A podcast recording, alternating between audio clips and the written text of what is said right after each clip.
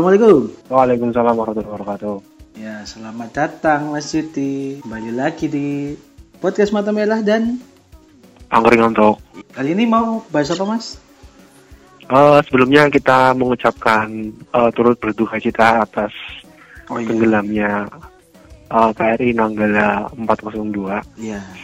Semoga uh, para apa kru awak kapal yang berjumlah 53 orang itu uh, diberikan tempat terbaik di sisi Allah Subhanahu wa taala. Amin amin ya rabbal alamin. Dan keluarganya juga diberi kesabaran ya. Diberi kesabaran amin. Nah, ini kita mau bahas programnya Joko Karyan oh, patungan membeli kapal selam. Ya. Aku searching harga kapal selam ini eh, yang katanya kapal selamnya bisa ini ya apa eh, sering buat dipakai orang kaya tuh aja harganya sekitar 2 triliun Minimal 2 triliun. Eh, harganya sekitar 2 triliunan lah mungkin bisa sampai 3 triliun Ya, berarti ya minimal 2 triliun lah. ya minimal Ah. segitu kisarannya soalnya eh, orang kaya sekarang tuh udah mulai bosen beli pesawat jet pribadi udah bosen ya Iya. sekarang mereka mulai nyoba juga beli yang namanya kapal selam Iya. kapal selam pribadi itu harganya kira 2, 2 triliun Itu yang pribadi ya, maksudnya bukan yang untuk militer, ngono loh. iya bukan kan? untuk militer Kemungkinan untuk militer berarti kan lebih dari itu. bisa jadi Bisa jadi. bisa berlipat-lipat mungkin ya, 10 triliun Hmm, atau hmm, berapa. bisa ya. bisa bisa aja kan? Hmm, Itu yang buat pribadi aja 2, 2 triliun minimal ya. Iya. Eh, sebenarnya aku sih menurutku logis logis aja sih bisa kumpul dana sampai 2 triliun ya. Asal kita eh, ada pihak-pihak besar yang mengini apa eh, memberikan donasinya. Tapi se- sekarang mau nggak pemerintah Indonesia tuh dibantu kayak gitu? Ini tuh kayak eh, menunjukkan ketidakmampuan kita sih ketidakmampuan pemerintah kalau misal dana donasi itu diterima menurutmu gimana? Kalau menurutku ya, sebenarnya eh, di luar logis nggak logis ngumpulin uang segitu, sebenarnya kan yang penting eh, niat baik kita dan ikhtiar kita, loh. Iya, ya kan. Dan ini aku juga apa? eh ngelihatnya juga sebagai sentilan buat pemerintah sih Mm-mm. dan jajarannya mungkin ya eksekutif legislatif soalnya. Iya. Soalnya emang aku tuh pertama gini, eh aku baru tahu pas tahun 2017 itu aku kan ikut seminar bela negara di Akmil, Oh. di Akmil Magelang, Iya, iya, bela negara. mewakili Kamu- UPN. Disiplin, kejuangan, kreativitas. Yeah. Yes. Nah, Tiga itu moto kampus kita, kampus tiga moto negara. kita ya. Siap. Mm-mm. Itu kan dari situ banyak ya, apa? Ya. Ya intinya tentang bela negara. Dan di situ Uh-uh. juga dibahas kalau eh, peralatan perang kita emang eh, sangat tua. Peralatan Iya. militer kita sangat tua dan Heeh. jumlahnya sangat sedikit. Mm-mm, mm-mm. Nah, kita itu punya kapal perang, entah itu kapal perang atau apa gitu ya. Mm. Dan kapal itu itu nggak ada pelurunya, jadi kosong. Jadi kalau Indonesia mau misal patroli kayak gitu ya, Heeh. atau ngapain itu, kapal perangnya Iya. itu ya cuma ya cuma ada senjatanya aja nggak ada pelurunya gitu loh. Mm-mm. Cuma kelihatan gagah-gagahan doang. Heeh. Nah Nggak ada itu peluru. itu nggak tahu apa ya aku lupa alasannya kenapa entah itu Hmm. disengaja atau karena ya karena ya selain karena kita nggak punya pelurunya itu Mm-mm. juga katanya alib alibinya itu kalau kalau misal kita ketembak itu kita bisa membela diri karena kan eh, kapalnya kita nggak nggak punya peluru Mm-mm. jadi kalau di mahkamah internasional itu kita bisa menang kalau misal Iya. ketembak ya Tapi kalau di logika juga kan, ya kenapa nungguin harus nungguin ada yang meninggal, ada yang Oh, oh. ditembak gitu kan? Kan nyawa orang gitu kan? Mm-mm. Nah ini sih eh, pas zaman kampanyenya Menteri Pertahanan yang sekarang itu tuh sebenarnya juga udah pernah diomongin Iya. beliau beliau tuh ngomong kalau misalnya ada perang nih sekarang nih hari ini perang nih Indonesia tuh nggak bisa apa-apa karena apa alutsista kita tuh udah melempem cuma formalitas aja kalau misal perang sekarang tuh nggak siap kita itu pas dulu dia masih kampanye Iya. Nah sekarang dia udah jadi menteri pertahanan. Ya udah nggak berani ngomong kayak gitu orang yang dia dia yang jadi menteri pertahanan. Kalau ada selentingan ngomong kayak gitu lagi kan balik balik ke dianya sendiri. Iya, iya, iya. Tapi katanya emang kenyata- kenyataannya gitu. Gimana? katanya sih dari Pak Prabowo ini Hmm, Katanya wah, dari- jangan sebut dari- nama. ya kan kita udah tahu lah maksudnya Pak Oh. Prabowo itu udah ngajuin jadi udah dananya Hmm. udah udah diajuin eh, alutsistanya yang mau dibeli berapa berapa berapa Iya. Tapi di DPR belum disetujui Hmm, masih birokrasinya masih susah. itu katanya ya tapi nggak tahu Hmm. di belakangnya gimana kata katanya kayak gitu Hmm. cuma kalau Eh, emang kalau Gimana? ya kalau berbicara tentang militer aku percaya lah Pak Prabowo itu udah jagonya lah orang Iya. dia eh, di militer udah berapa puluh tahunan udah expert Oh, oh. gitu lah ya Eh, Indonesia sekarang punya lima kapal selam ya. ya Yang paling terbaru tuh KRI 405 KRI apa namanya ya. mm, Nah, itu kan Nanggala kan satu. Berarti Nanggala udah nggak bisa berfungsi kan, udah hancur lah. iya iya Tinggal empat. Idealnya tuh katanya uh, untuk sebuah negara tuh minimal punya 12 kapal. 12 kapal selam. kapal selam militer ya tapi ya Iya, sampai kira-kira jadi ada 12 lah. Nah, sementara kita tuh separohnya aja tuh nggak ada. Jadi Iya. kondisinya memprihatinkan dan dengan berita ini, berita tenggelamnya kapal ini, ini di- disorot juga di dunia internasional. Waduh, Indonesia ini neg- negaranya sama militernya udah nggak fokus banget ya, iya iya sama apa? eh mereka tuh nggak nggak per- nggak perhatian sama militer mereka sendiri. Sampai-sampai ada kapal selamnya aja tinggal empat. iya iya ya emang Nah kan kayak gitu. eh, ya cukup di apa ya, disayangkan sih ya Mm-mm, sangat disayangkan. disayangkan tapi ya yang kita kembali ke Joko Karyan tadi kan yaitu sebagai bentuk ikhtiar kita juga gitu loh Eh, Mm. tapi bentuk ikhtiar juga masih ada yang komentar negatif gitu ya katanya Gimana komentar negatifnya tuh gimana? katanya ngapain beli kapal selam buat yang korbannya aja dulu gitu loh Hmm, ada korbannya dibantu. iya makanya kan itu orang-orang yang ya Hmm. buzzer RP lah Udah Gitu. dikasih kalau nggak salah ya sekitar ratusan juta tuh udah kumpul ya. Di Iya di kan? luar ini ya itu. Di beritanya kan berapa ya? 300 ya? 300 juta ya? Iya, pokoknya udah dikasih kok udah berapa, berapa puluh masing-masing lima lima belas jutaan apa ya? dari Masing-masing 300 orang- eh, da- dari 300 juta itu baru 6 juta aja yang buat kapal selam ya kan? Iya, 15 juta tuh udah dikasih ke ini. Memang prioritas utamanya ke warga, Eh, ini ke ya, keluarga keluarganya kan? Iya ya Ke tapi ya mas- dikasih paling utama. ya masih ada komentar negatif ya. Hmm, ya intinya ya dari situ masih ada aja gitu. Kayak ya ada loh. kayak ada yang lebih penting kok beli kapal selam gitu ngapain gitu Hmm. Orang-orang nyinyir ya biasa aja. ya biasa aja itu ya emang wajar lah emang Hmm, Memang sering orang nyinyir. sering orang gitu. nyinyir sering karena juga ya di samping mereka nggak tahu atau mereka ya emang dasarnya nyinyir aja gitu ya Iya, emang. itu sih tapi emang ya ini sebagai bentuk selain bentuk kepedulian kita juga sebagai bentuk sentilan kita kepada pemerintah sih yang Hmm. lebih mementingkan proyek-proyek fisik kayak ibu kota baru Hmm. Silicon Valley apa itu nggak guna. algoritma, oh bukit, bukit algoritma ya nggak guna bukit sekali algoritma.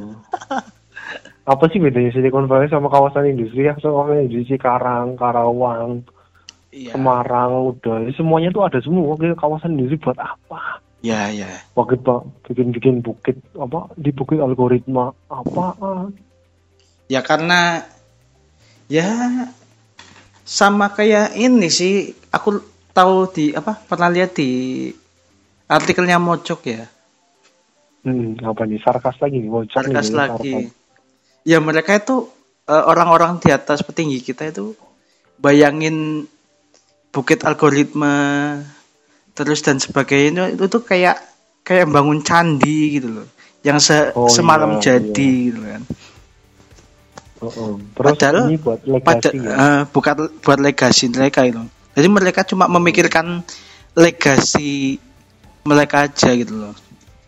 Hmm. Tanpa memikirkan apa ya yang namanya apa ya kalau disebut eh, opini, opini yang nggak populer gitu loh. Iya. Kayak pemerataan itu kan opini yang nggak populer sama sekali. Hmm. Bagi mereka ya Pembangunan BTW pengam- pembangunan jalan tol tuh masih banyak yang mangkrak. ya Tol Jogja, tol Jogja tuh belum jalan. Terus tol mana lagi tuh aku sempat sempat baca. Jogja itu itu kemarin udah ini kok udah Udah mulai sih tapi belum jadi cuma Hmm, Jogja Solo kan ya? Iya yang Jogja Solo aku kan lihat di ini apa Hmm. jembatan atasnya itu dimulai dari Bandara Jogja ini ya Hmm. bandara baru itu loh. itu ada Iya iya. eh, langsung melayang gitu Hmm. itu sih ada kemarin Oh. cuma eh, apa ya pemerintah sekarang itu lebih memikirkan pembangunan fisik sih daripada pembangunan akal atau pembangunan SDM Oh, oh, oh. istilahnya itu ya kayak bangun candi gitu aja loh peradaban Hmm. itu ibarat candi gitu Iya iya benar sih benar. ya kalau di Islam kan sebenarnya kalau dibilang zamannya Rasul sama zamannya kita ya lebih maju zaman kita kan Hmm. tapi kenapa dibilang lebih maju zaman Rasul dibanding zaman kita Iya karena kan ya SDM-nya lebih bagus yang zaman dulu iya benar. sekarang benar. mela- eh, apa mengalami kemunduran gitu loh dari Hmm. dalam SDM-nya bukan Oh, bukan benar. karena bangunannya yang semakin megah atau semakin apa Hmm. kalau kita lihat di apa Silicon Valley yang asli kan mereka bingin- bikinnya bukan bikin bangunan industrinya tapi bikin s- pendidikannya dulu sistem pendidikannya kan Iya iya berawal dari pendidikan benar benar sekali. ya kan ya Hmm, karena mereka tuh bikin ini awalnya bikin kampus-kampus dulu. Ah, Sementara ah. kita tuh sekarang kawasan industri di Indonesia ya, kawasan industri itu ya kawasan industri sendiri. Nggak ada yang tiba-tiba ada kampus di situ dekat dari situ tuh jarang. iya iya ha-ha. Cikarang, Karawang kan apa kampusnya terkenal. Kampusnya Hmm. malah dari di, di ini Jawa Tengah ini ya Undip, UGM kan rata-rata kampus-kampusnya. iya iya ha.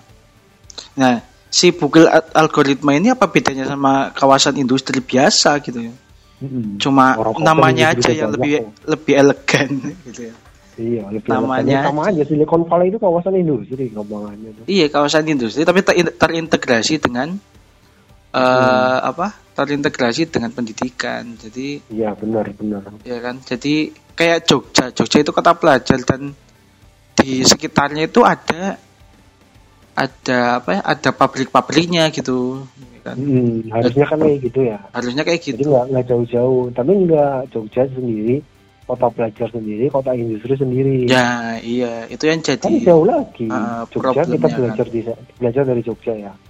Industrinya di mana? Industrinya bisa di Jawa Tengah ada, Jawa Timur ada. Mm-mm. Sementara Jogjanya sendiri itu nggak punya industri. mentok paling ini apa semua. Iya kan ya itu Jogja sebenarnya yang Jogja diharapkan emang kota wisata sebenarnya. Kota wisata bukan kota industri ya Iya. Sebenarnya yang diharapkan ya itu jadi di samping dibangun dulu kampusnya lah maksudnya Mm-mm. Ya, ini iya sih bener. Kalau mau ini eh, dibenahinya dari SDM-nya. Wong pemerintah Jangan- juga sering ngeluh Gimana? Sering ngeluh SDM kita nggak banyak kok Mm-mm. tapi nggak mau bikin kampus yang bagus gitu loh nggak Hmm. mau membenahi pendidikan tapi maunya Oh, oh. impor iya Maunya impor. Tenaga kerja asing. nah iya kadang emang heran gitu ya sama orang yang suka ngeluh sama rakyatnya gitu loh kok rakyatku Hmm. bodoh-bodoh gitu tapi dirinya sendiri tuh nggak mempedulikan itu gitu nggak mau ada nggak Ya, ada solusi Mm-mm, Yes, yes. tuh gitu sih ya kurang lebih apa yang terjadi dengan penggalangan dana ya kayak gitu kita Hmm. apa apa selalu penggalangan dana gitu kan Hmm. Jadi peran negara emang ya cuma sekedar tol, bukit Oh. algoritma, nggak ada Negara yang gimana? nggak ada yang menyasar dengan rakyat. Negara itu gimana? Heeh. Jalan tol juga yang mau lewat cuma yang punya kendaraan gede kan, yang punya BTW, mobil. Banyak sih. Kamu tahu bandara ini yang di Majalengka, Kertajati. eh, Ah, iya, Kertajati itu kan. Ah, Itu bandaranya dibangun megah-megah ya. Ternyata nggak dipakai. Nggak ada yang mau berhenti di situ. Ya. Itu pemborosan dana. Itu berapa? Coba kita deh. Kalau beli kapal selam lagi, itu tuh bisa tuh buat tambah-nambah beli kapal selam. ya namanya Sebenarnya banyak juga- banyak dana dana dana terbuang percuma tuh. Jadi menurutku malah donasi itu kadang malah jadi kayak tamparan sih, tamparan ke pemerintah. Iya. Emang sebagai bentuk tambahan sih sebenarnya. Iya bisa tamparan sih. Harusnya tuh kalau ini ya pemerintah nggak bakal mau kalau ada program donasi itu donasi buat dibantu beli kapal selam pemerintah nggak mau. Yang kalau pemerintah masih punya model ya, masih punya malu ya. Iya. Masa rakyat bantuin pemerintah, kan pemerintah harusnya bantuin rakyat. Iya. Harusnya kalau pemerintah ini ya. Harusnya ya. harusnya tapi nggak tahu ini soalnya belum ada suara lagi belum ada komentar dari pemerintah ya kan sekarang yang program ini balik apa swasta sih karena kan orang dari masjid kan dari Jawa Karyan kan Iya, iya. Ya gimana ya? Emang kayak apa ya beberapa lembaga negara emang untuk terjun di masyarakatnya itu emang jauh kalah ketimbang lembaga swasta. Hmm. Contohnya kayak ya apa ya? Lembaga bantuan gitu lah. Hmm. Bantuan mungkin bisa bantuan zakat gitu loh. Hmm. kalau di di masyarakat itu lebih lebih apa ya lebih memilih ke menyalurkan zakatnya ke swasta Hmm. karena apa lebih tepat sasaran dan Iya, lebih benar. apa ya lebih lebih merakyat gitu loh lebih dekat dengan rakyat ketimbang Hmm. lembaga pemerintahan Hmm. ya karena ada gap itu Hmm. dan juga ya dilihat dari performa lembaga negara seperti dinas-dinas di Hmm. di kabupaten maupun di provinsi itu cenderung apa ya kayak super lelet gitu loh Ah. ya kan kayak apa sih kayak kalau ada duit ya ayo enggak ya entar gitu loh Hmm. Ini nyerempetnya ke sana juga. Soalnya- publik soalnya aku tuh aku tuh agak jengkel sih sama yang namanya disduk capil Kamu kenapa sih KTP-mu kenapa emang? aku bikin KTP apa kan KTP ku luntur Heeh. KTP ku kan luntur ya mau ganti KTP bikin baru ya apa ya cetak Oh. lagi lah aku ngajuin Februari Heeh. Oktober baru jadi Oh. Aku malah tahu baru tahu bisa loh. Kemarin aku ny- nyoba nanya-nanya katanya nggak bisa. Duh kok nggak bisa gimana Ribet eh enggak ding bapakku tanya katanya ribetnya lama banget lah sampai berbulan-bulan. Terus sementara katanya KTP lamamu tuh ditahan dulu. Kamu tuh punya nggak punya KTP. Kamu cuma punya kayak kartu gitu kok ya. kayak ini apa kertas gitu aja Oh iya. kertas pengganti apa kertas KTP sementara lah gitu Hmm. kayak gitu sih jadinya ya ya itu Februari ngajuin Hmm. Oktober baru jadi katanya Hmm. katanya belangkonya habis gitu Ah, permasalahan belangko klasik banget ya.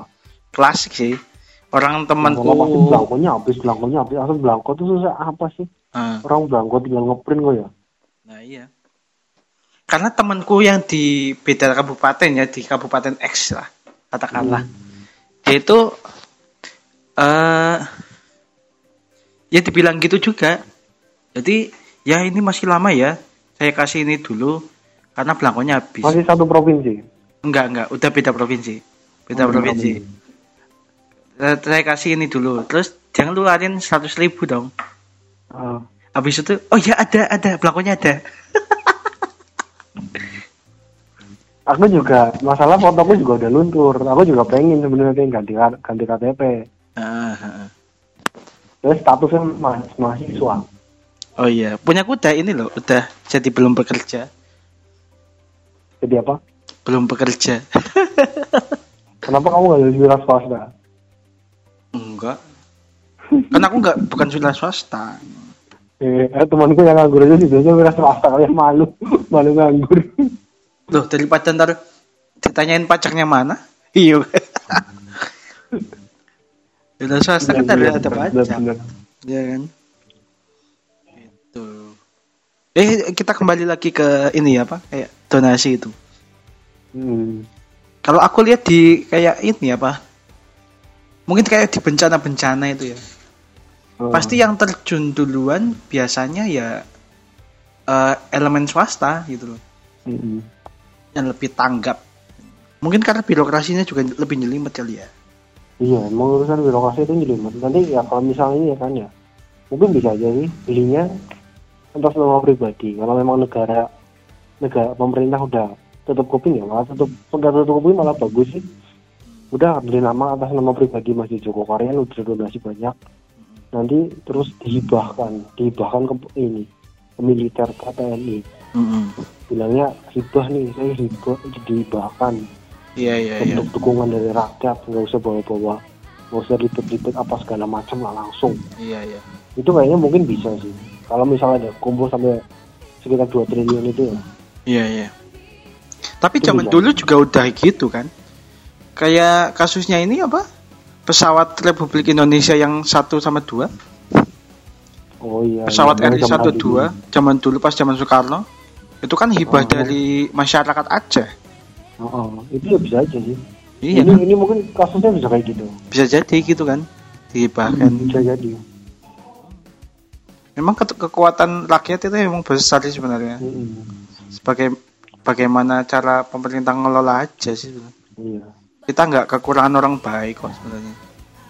orang baik masih banyak masih Joko Karyan terutama ada Ah. kangen Joko Karyan Ayo mas, ayo mas kita ke Jogja lagi mas. ayo kita lagi nanti kapan-kapan liburan Oke, iya. kayaknya udah cukup ya Oke, nanti malah jadi panjang lagi ke mana-mana Yap. kita cukupkan sampai di sini oke. ada kalimat penutup Eh, mungkin cukup aja lah. Oke cukup. Eh, kita doakan aja, kita doakan aja semoga donasi ini bisa cepat terkumpul. Amin. Kalau kita misalnya nggak bisa menyumbang donasi ya kita sumbang doa aja. Ya siap. Semoga dilancarkan.